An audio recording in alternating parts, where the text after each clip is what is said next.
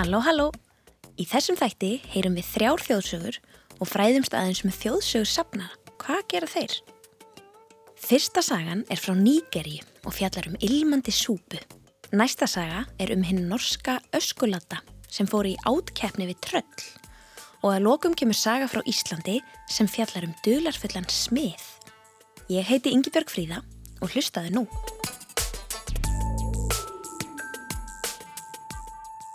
Þjóðsögur geimast náttúrulega fyrst og fremst í minna okkar. Við heyrum sögu, við segjum sögu. Um, og þjóðsögur lifa vegna þess að þær eru skemmtilegar, dulufullar og vegna þess að okkur langar að segja öðrum. Um, og þess vegna getur saga lifað í, í, í kannski þúsund ár.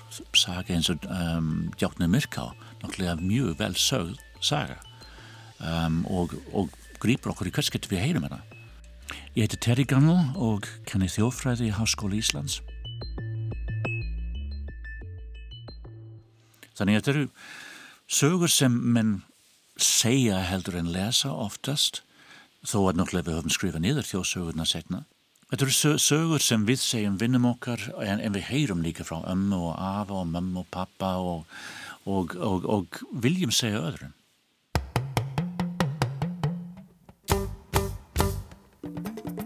Stólinn súpuilmur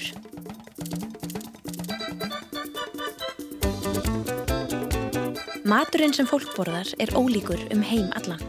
Sumiréttir eru þó til í einhverju formi í nánast öllum menningarsamfélum. Það til dæmis við um súpu. Í dag bjóðast okkur allskenn súpur frá öllum heimshornum í hvaða landi sem er. Enda höfum við deilt uppskriftum með öllum heiminum. Til dæmis í kokkabókum og internetinu. Í gamla daga var fólk einangraðra með sína súpur. Á meðan Íslendingar borðiðu kjötsúpu var fólk í Japan til dæmis að borða núðlusúpur Ungverjar borðiðu gúlasúpur, frakkar laugsúpur, finnar bleikjusúpur og svo framvegs. Í Nígeríu er til súpa sem heitir egusi súpa. Hi guys, welcome back to my channel. In today's video, I'm going to be showing you how to make egusi soup using the frying method. You can as well use this procedure I'm about to show you to prepare egusi soup for a party. So if you're interested... Hún er búin til úr næringaríkum fræjum sem eru þurkuð og mulin í duft. Svo er allsken skrænmeti, óljum, kryttum og kjöti eða fiski blandað úti. Með egusi súpu er algengt að borða eins konar brauð sem kallast ebabrauð. Það er búið til úr mjöli úr kassavarót og gerir mann svolítið sattan. En það freka bræðlust eitt og sér. Best er að borða það með bræðgóðri súpu. Þessi saga fjallar um tvær nýgerískar konur, ebabrauð og ilminn af egusi súpu. Fyrir langa löngu í þorpi sem hétt Ipetu Módu bjó fátæk kona. Þessi kona var svo fátæk að hún átti enga súpu til að borða með ebabröðinu sínu.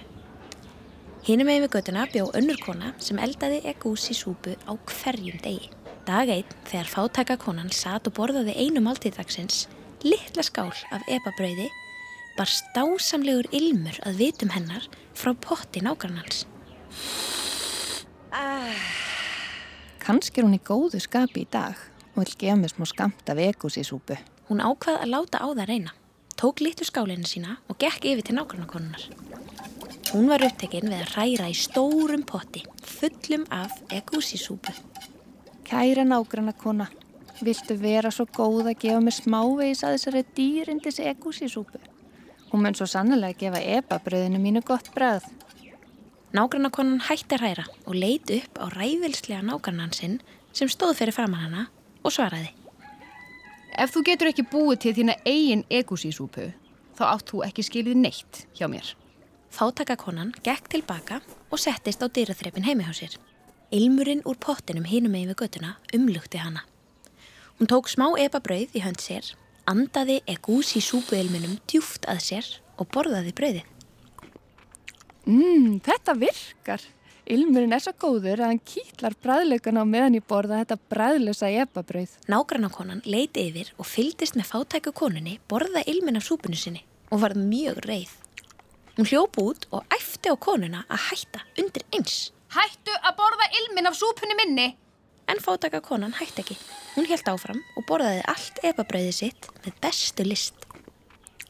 Svona gekk þetta næstu daga, um leið og ilmurinn af egúsísúpunni lættist upp að húsi fátakakonunnar, fór hún út á dyraþreppið og borðaði ilminn og bröðið samtímis. Nágrann á konan var orðin mjög reið yfir þessu uppáttæki fátakukonunar og ákvaða að fara með þessar deilur fram fyrir kongin í þorpunu. Þessi kona stelur ilminum af egosísúpunni minni og borðar með ebabröðinu sínu. Það þarf að refsenni. Kongurinn hlustaði vel og var sammála. Það þyrta að refsa fyrir þennan gleip. Hann saði nágrann á konunni að sjá sjálf um að framfylgja refsingunni. Hún stál ilminniðinum. Í staðin skaltu hýða skuggan hennar. Þú skal taka vöndin og hýða skugga hennar 40 sinnum. Hún fekk stóran vönd svo hún gæti fengið fram réttlætið sitt. Nágrannakonan tók stóra vöndin og byrjaði að lemja skugga fátakakonunnar. Á meðan hún gerði það, áttaði hún sig á því hvað þetta voruði vandarægilegt fyrir hana. Hún væri eins og kjáni út á götu að lemja skugga og að þetta súpumál væri bara alveg fáránlegt. Hún ákvað að byggja nágrannakonun sína afsökunar og gaf henni upp frá þessu eina skál af ilmandi egúsi súpu og hverjum degi til að borða með epabröðinu sinu.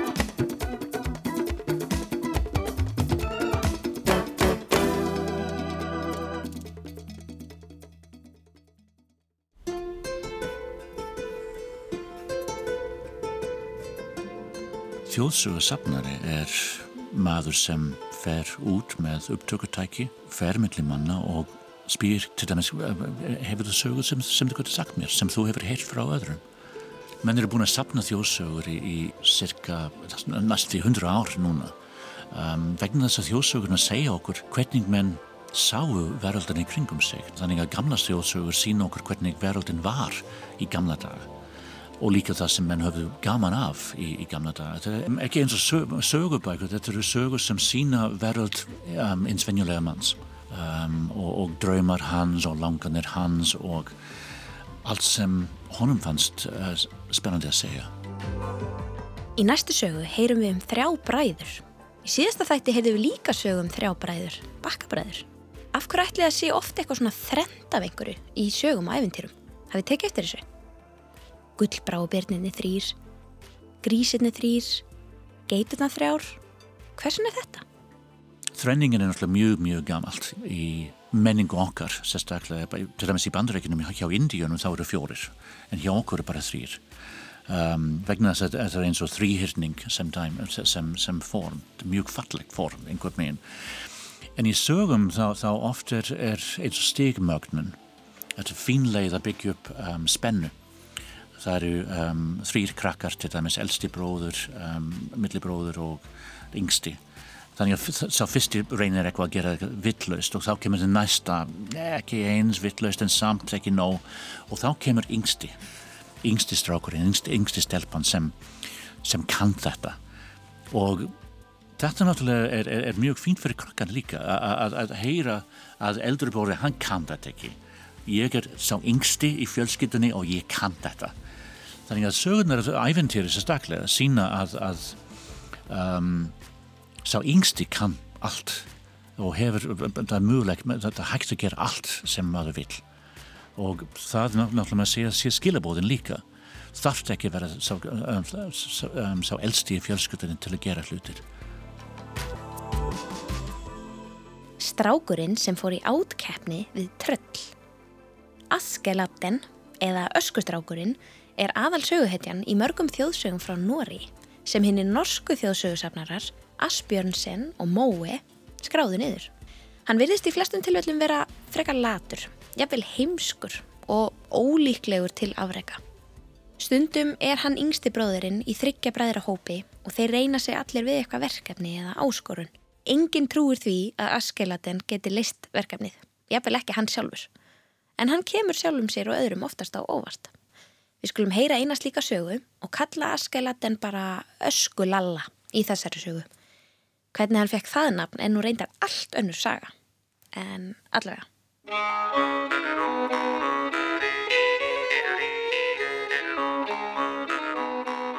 Einu sinni var fátakar bóndi sem átti þrjár sinni. Hann var orðin gamall á lúin og, og bóndabærin hans var farin að líta illa út. Sérstaklega sem drenginni voru latir og nendu ekki að lifta fingri til að hjálpa föður sínum með viðhald húsins eða önnu störf á bænum. Fadurinn reyndi stöðugt að virka sinni sína og gaf þeim einn daginn það verkefni að fara út í skó og högva eldi við til að selja upp í skuldir. Drenginni reyndi að koma sér undan verkefnu en sá elsti leta á endanum tilleiðast og, og lagðast á út í skó. Þegar hann var komin djúft í skógin byrjaði hann að högva eina litla og freka lúna grein. Hann endur nú ekki að gera of mikið. Allt í einu ruttist að honum stórt og kröftugt tröll. Ef þú ætlar að höggva trén í skóginum mínum, þá hegg ég þig í spað, litli karl. Strákurinn hendi samstundis frá sér eksinni og hljóp heim eins hratt og hann gatt. Þegar hann kom heim, sagði hann föður sínum og bræðurum óðamála frá því sem gerst hafði. Is, tröllin hafa aldrei fælt mig frá því sem þarf að gera. Sagði pappin. Ég var aldrei hrættu við þau sem ungur maður og náði alltaf í minn eldi við. Dægin eftir fór næst elsti sonurinn af stað út í skó. Ekki lung eftir hann hafði fundið tré og byrjaði að höggva, lættist tröllið aftan að honum og sagði hátt. Ef þú ætlar að höggva trén í skói mínum, þá hegg ég þig í spað, litli karl. Strákurinn þorði ekki einu svona lítum öxl, heldur hendi frá sér öxinni og hljóp heimálið. Þegar hann kom heim með skottið á milli lappana, þá var það fadir hans reyður og saðist aldrei hafa hlaupið svona hrættur heim úr skójunum þó tröllin hafi reynda ræðan. Á þriðja degi sagði yngsti sonurinn, öskulali, að hann vildi reyna sig við verkefni. Þú? Sögðu eldri bræður hans. Þú hefur aldrei farið út fyrir húsins dyr. Gangið er vel. Hann hunsaði hæðnisorð bræðrana og bað móður sína um smá nesti til ferðarinnar. Það var ekki mikið mat á heimilinu en hún fann smá brauðsnið og ostbytta sem hann setti í bakbókan sinn og hjælt af stað. Ekki lengu eftir hann hafði fundið tré og byrjaði að höggva það, kom trölli fram og öskraði. Ef þú ætlar að höggva trén í skóinu mínum, þá hegg ég þig í spað, litli karl. Strákurinn ákvað að reyna að leika á tröllið. Hann hljópaði töskunni sinni og náði ostbyttan, svo kreistan hann eins fast og hann gatt. Ef þú þegir ekki og hættir að ángra mig, þá kristi ég þig eins og ég kristi vatnið úr þessum hvíta steini hér. Ó nei, hlýfðu mér. Ég, ég skal hjálpa þér að höggva. sagði tröllið. Strákurinn sættist á þá skilmála og saman náðu þeir að fella feiki mörg treð þann daginn. Trölli var nefnilega freka lungið í því að fella treð. Um kvöldið sagði tröllið. Þú getur komið heim með mér. Þú ert mun fljótari þangað en allarið heim til þín. Strákurinn klifraði upp á axlitan á tröllinu sem bar hann heim í hellin sinn. Þegar þeir komu þangað, sagði tröllið að þeir þyrta að kveikja upp eld og sjóða sér kvöldmatt, Getur þú farið og náði vatn í þessa járnfötur þarna? sagði tröllið. Strákurinn leit á föturnar og sá að þær voru allt of stórar og þungar fyrir hann að bera. Ef hann myndi láta á það reyna, þá sæði tröllið að hann væri ekki jafn sterkur og hann þóttist vera. Iss, það tekur ég alltaf fyrir mig að bera þessar litlu fötur. Það er eins og fingurbjörgir.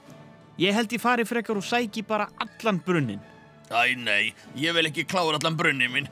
Ég skal bara fara og sækja vatn. Kveik þú upp í eldunum. Þegar hann kom aftur tilbaka með vatnið, settu þeir pott yfir eldin og byrjuðu að búa sér til havragraut. Strákurinn sagði þá við tröllið. Hefur þú áhuga á að keppa við mig í havragrauts átt keppni? Já, sagði tröllið og hugsaði með sér að þarna myndi hann nú sigra strákin léttilega.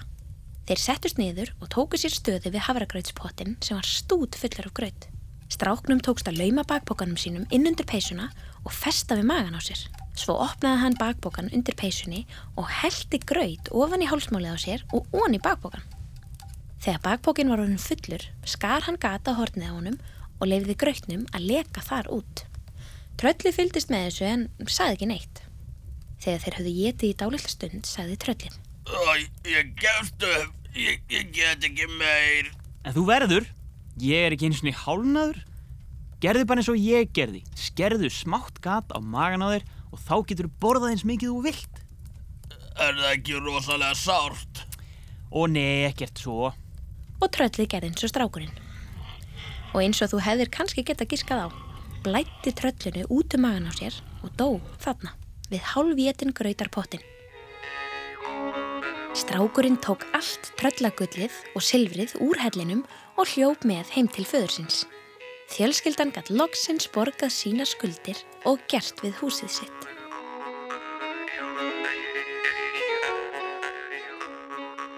Það er mjög mikið líkt milli uh, sagna Íslendinga og sagna normanna og, og sérstaklega normanna og dana.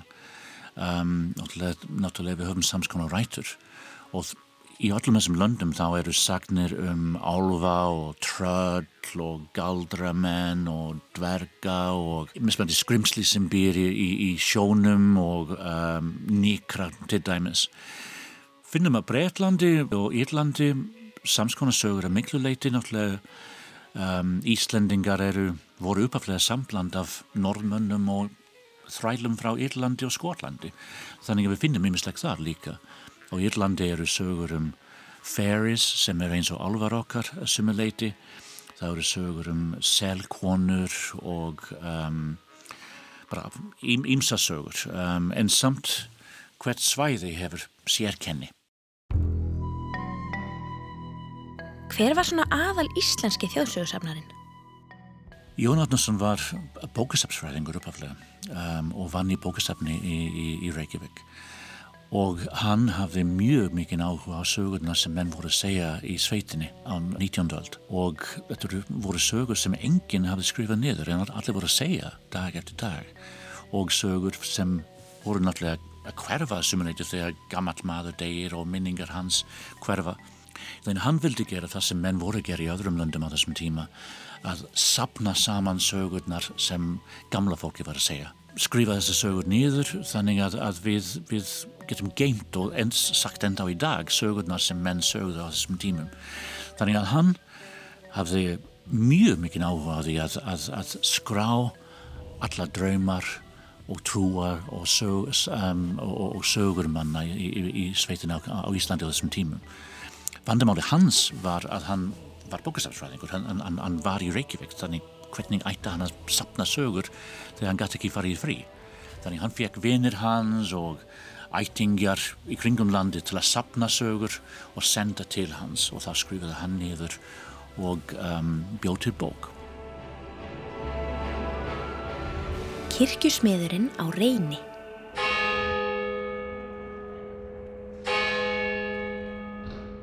Þessi saga kemur úr safni Jóns Árnarssonar. Einu sinni bjó maður á bænum Reyni í Mýrdal.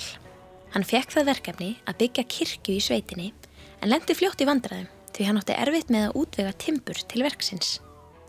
Hann hugsaði með sér að best væri að ná að klára bygginguna fyrir veturinn, en það leiti ekki vel út. Það leiðað slætti og bóndin fór að verða virkilega áhugifullur. Einn dag var hann að raka tónið og verið þungu skapi. Þá gengur upp að hann maður sem hann þekkt ekki og bauð honum að byggja kirkuna fyrir hann. Það eina sem að bondi þurft að gera var að giska á hvað hann hétt. Segja honum nafn hans áður en smíðinni væri lókið. Ef honum tækist það ekki þá þurfti bondi að láta aðkomumannin fá engasón sinn sem var bara 6 ára gamal.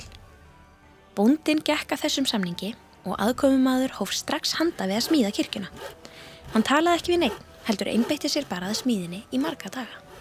Bónda þótti þetta taka óvinnilega stuttan tíma og þegar leiðast láttarlókum var kirkja næstu því tilbúin. Hann fór að ókýrast því hann hafði ekki enn hugmynd um hvað dularfulli smiðurinn hétti. Leiðað hausti og smiðurinn var að leggja loka hönd á kirkjuna. Bóndi ráfaði í örvæntingum sveitina og reynda að hugsa einhverja leið til að komast að nafni hans. Hann lagðist á hólun okkur, lokaði augunum og hugsaði um þetta fram og aftur. Allt í einu heyrði hann kveðið í hólnum þessa vísu. Senn kemur hann finnur, fadir þinn frá reyn, með þinn litla leiksvein. Var þetta kveðið aftur og aftur og aftur.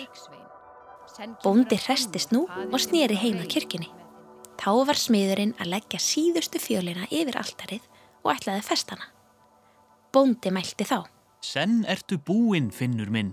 Við þessi orð varð smiðnum svo byllt við að hann kastaði frá sér fjölinni og kvarf. Hefur hann ekki sérst síðan?